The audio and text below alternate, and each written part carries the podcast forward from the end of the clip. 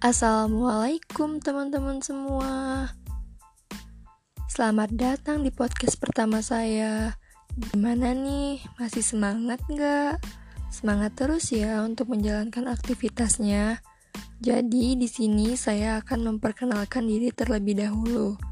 Perkenalkan, nama saya Hairunisa Rahmadini dari jurusan Manajemen Bisnis Syariah kelas B jadi, di sini saya akan menjelaskan hasil analisis yang saya dapat dari toko tas Rizka.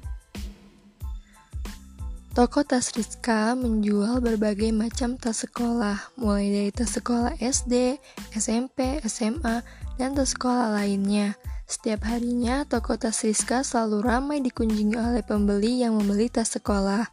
Tapi, sejak terjadinya COVID-19 ini, toko Rizka mengalami penurunan yang sangat besar, dikarenakan anak sekolah yang belajar melalui via online. Mereka jadi enggan untuk membeli tas sekolah.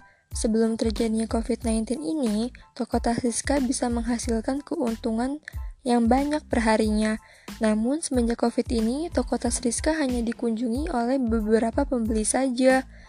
Toko Tariska mulai mencari solusi nih, bagaimana agar tokonya tetap dikunjungi oleh pembeli. Yaitu dengan cara memodifikasi tas-tasnya dengan menambahkan tas-tas untuk remaja atau ABG. Dengan cara itu, toko tas Rizka tetap ramai dikunjungi oleh pembeli. Jadi, COVID-19 ini sangat berpengaruh sekali nih dengan penjualan toko tas Rizka. Maka dari itu, sebagai penjual harus bisa nih mencari solusi agar penjualannya tetap diminati oleh pembeli. Mungkin hanya ini dulu ya yang bisa saya sampaikan di podcast pertama saya ini. Sampai jumpa di podcast-podcast saya selanjutnya, teman-teman semua. Wassalamualaikum warahmatullahi wabarakatuh.